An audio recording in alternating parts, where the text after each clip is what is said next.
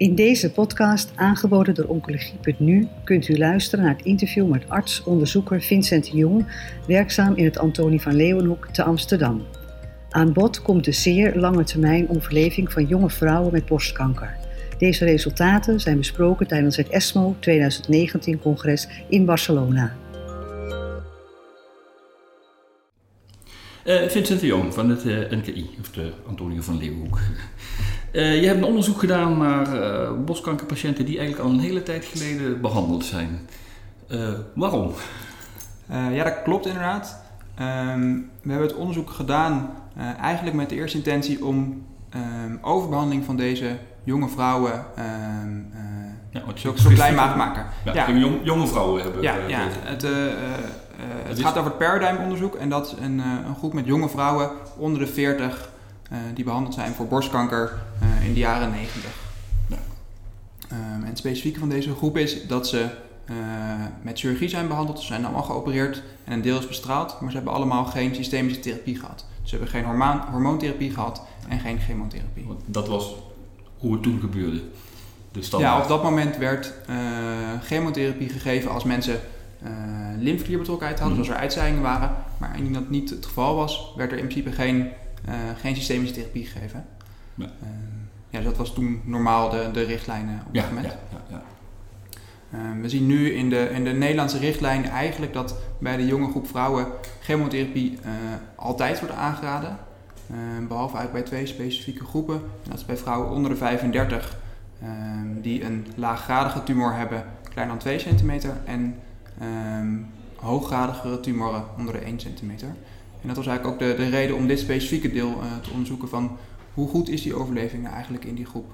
Uh, want dat, voor zover wij weten is dat nog nooit echt goed, uh, goed uitzocht wat die overleving is in die, in die specifieke groepen. Want op zich is natuurlijk de, de nieuwe kennis verandert, verandert de manier waarop je vrouwen gaat behandelen. En dan ga je als het ware terugkijken, dat deden we toen niet. En hoe erg was dat? Nou, niet hoe erg was dat, maar kunnen we daarvan uh, van leren, van die groep? Want eigenlijk alle grote onderzoeken die er gedaan zijn, zijn allemaal vrouwen die behandeld zijn met chemotherapie. En dan weet je gewoon niet precies wat nou echt de overleving is uh, van de uh, operatie van de radiotherapie. Oh ja, ja. dus zoals soort basale waarden hebt van als je dit niet doet, dan zou je daarop uitkomen. Ja, ja. en dat is heel waardevol, vinden wij van, van dit onderzoek. Ja. ja. Ja, dat wil je weten en, en dat hebben jullie dus uitgevoerd. Hoe hebben jullie dat gedaan? Hoe groot zijn die groepen, groepen is die groep patiënten geweest? Ja, dus we hebben in, in het Paradigm-onderzoek zitten ruim 2000 patiënten. Um, en van al die patiënten hebben we via de IKNL-database hebben de, de overleving gekregen, maar ook of ze de borstkanker opnieuw terugkregen en waar het dan zat. Ja. Uh, vervolgens hebben we met behulp van PALGA, de Nederlandse pathologie uh, database, hebben we eigenlijk materiaal van alle patiënten weten te verzamelen. En met behulp van het materiaal hebben we opnieuw kleuring gedaan voor de hormoonstatus, maar ook voor de, voor de HER2-status. Want dat was in de jaren 90 werd dat nog niet gedaan. Ja. Um, dus dat, dat hebben we allemaal opnieuw gedaan om te controleren. Ja, dus ook een hoop basale parameters nu eigenlijk zoveel jaar later ja. opnieuw of voor het eerst bepaald in die tumor, ja. Ja, zeker. Um, nou, en vervolgens hebben we dan groepen gemaakt en met behulp van Kaplan-Meier curves hebben gekeken wat nou de overleving is per die groep. Dus we hebben gekeken echt alleen maar bazaal naar de, naar de tumorgrootte. Mm -hmm. uh, maar we hebben ook vervolgens verder gekeken naar de moleculaire subtypes, dus hormoon positief, hormoon negatief, ja. HER2 positief, HER2 negatief. Um, en dat dan ook weer uitgesplitst naar de, naar de tumorgrootte. Ja, ja. ja, en nu natuurlijk iedereen nieuwsgierig. Wat kwam eruit?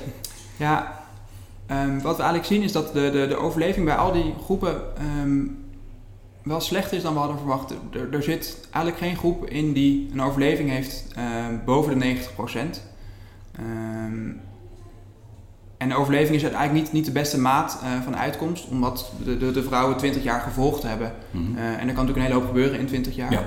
Um, we zijn nu nog bezig om het onderzoek verder te verbeteren door te kijken naar specifiek borstkanker-gerelateerde sterfte. Ja. Uh, maar de resultaten die we hier laten zien op de poster is echt de overleving. We zien dat die overleving eigenlijk tegenvalt op 20 jaar. Ja. Uh, maar als we specifiek gaan kijken... Hoe, hoog is die dan gemiddeld van die hele groep? Uh, gemiddeld weet ik niet. Nee, je hebt ze alleen per groep. We hebben ze echt per groep geanalyseerd. We hebben niet gezegd, want dat vonden we ook niet, re niet, niet, niet, relevant. Het gaat niet om, de, om het gemiddelde van de groep, maar het gaat juist om die kleine subgroepen. Omdat dat in de, in de dagelijkse praktijk behandel je de vrouw aan de hand van de tumorgrootte en de agressiviteit van de tumor en het, en het subtype. Okay, een van de andere belangrijke vindingen die wij niet veel belangrijk vinden, is als we kijken naar de triple negatieve tumoren mhm. en dan de G3 tumoren, dat daar ook bij de kleine tumoren de overleving echt nog wel slechter is. en dat is nu een groep die volgens de richtlijn geen chemotherapie zou moeten hebben.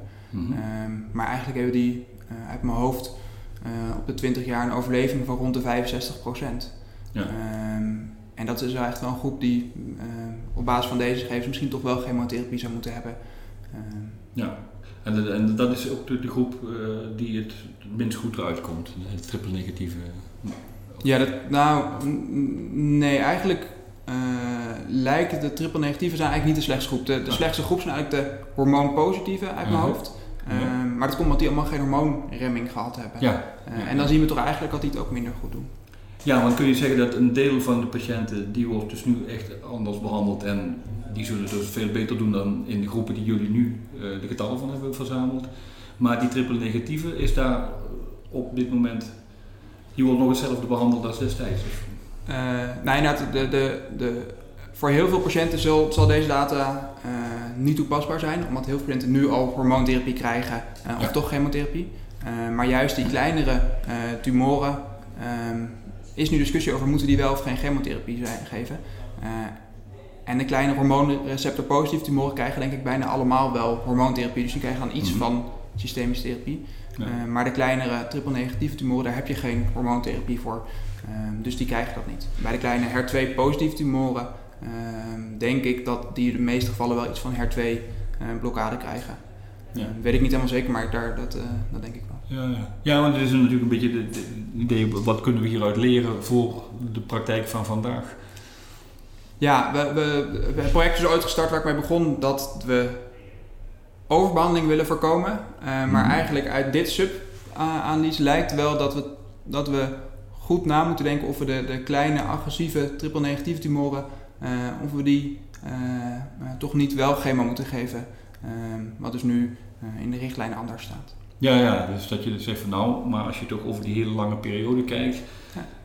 dan moet je toch ook weer een beetje voorzichtig zijn met het de-escaleren van, de, van de hele behandeling. Ja, precies. Ja, ja. Misschien zijn we dan wat dat betreft een beetje te ver doorgeschoten met de, het de-escaleren van de van de chemotherapie. Ja. En nog, nogmaals, dat gaat over hoe die hele jonge vrouwen kijken. Ik bedoel, als je ja, ja, het is 70 plussers hebt, dan is het natuurlijk een hele andere Nee, we hebben specifieke, het zijn specifieke vrouwen onder de 40. Dus het is echt een hele specifieke subgroep uh, waar we naar gekeken hebben. Maar het zijn natuurlijk wel uh, nou, jonge vrouwen die nog, nog een heel... Ja, uh, ja voor, voor hun is natuurlijk die 30 jaar belangrijk. Voor, voor iemand die al 65, 70 is, ja, is die 30 een getal van 30 jaar zo ver weg dat je zegt, nou moet je het daar. Uh... Ja, ja, ja we, kijken, we, we, kijken naar 20 jaar, maar dan inderdaad, ja, als je, als je, der, als je, als je, als je 35 bent en je diagnose kijkt, dan is ja. 20 jaar verder ben je 55. En ja, inderdaad, als je op 65 bent, dan ben je, uh, zou je al 85 ja, ja, ja, Dus, dus vooral dat de-escaleren zou je vooral bij de jonge groep toch misschien even iets. Uh...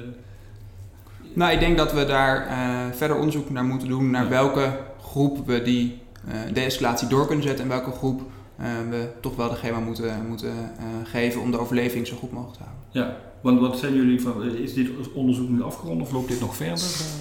Um, nou, dit, dit, dit, onderzoek, wat, wat, ik zei, we, willen, we kijken nu naar de overleving, maar we willen eigenlijk uh, naar de borstkankerspecifieke ja. overleving kijken, omdat dat ja. gewoon een relevante maat is. Je geeft chemotherapie tegen de borstkanker, dus is het ook wel goed om naar de uitkomst van die borstkanker te kijken en niet naar de, naar de volledige, naar, naar de overleving. Mm -hmm. um, er zijn, lopen nog meerdere projecten binnen dat Paradigm Cohort uh, om, om op zoek te gaan naar welke groepen we uh, misschien inderdaad geen chemotherapie hoeven te geven. Uh, ja. Omdat die toch al een hele goede overleving hebben. Dus daar zijn we druk mee bezig om op zoek te gaan naar biomarkers die nou, ons daar informatie over kunnen verschaffen. Ja. En, en die boskanker specifieke overleving, die data zijn ook allemaal nog boven water te krijgen? Um, maar we zijn daarmee bezig. We, we hebben per patiënt uh, gegevens van wanneer zij uh, de borstkanker weer terug hebben gekregen. Ja.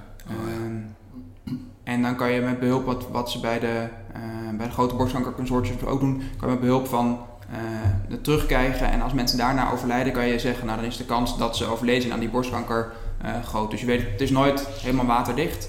Nee, maar, je maar je kan wel een, een, een, een, af, eh, een, eh, een afleiding ervan maken. Eh, helaas, ehm, in de IKNL-data staat niet specifiek waar een patiënt aan overleden is. Nee, je kunt niet zeggen van oké, tik maar even in Nee, die... nee, dat is niet. dat, bij een deel is het wel bekend, maar bij het overgrote deel is niet bekend Ja. waar patiënten aan overleden zijn. Nee. ja, dat is ook leuk werk op zich om dat helemaal uit te zoeken. Ehm, nou, ik vind, we, ja, we, zijn benieuwd wat er dan nog in de toekomst verder nog meer allemaal uit gaat komen. Bent u geïnteresseerd in meer podcasts? Deze zijn te vinden op de website oncologie.nu.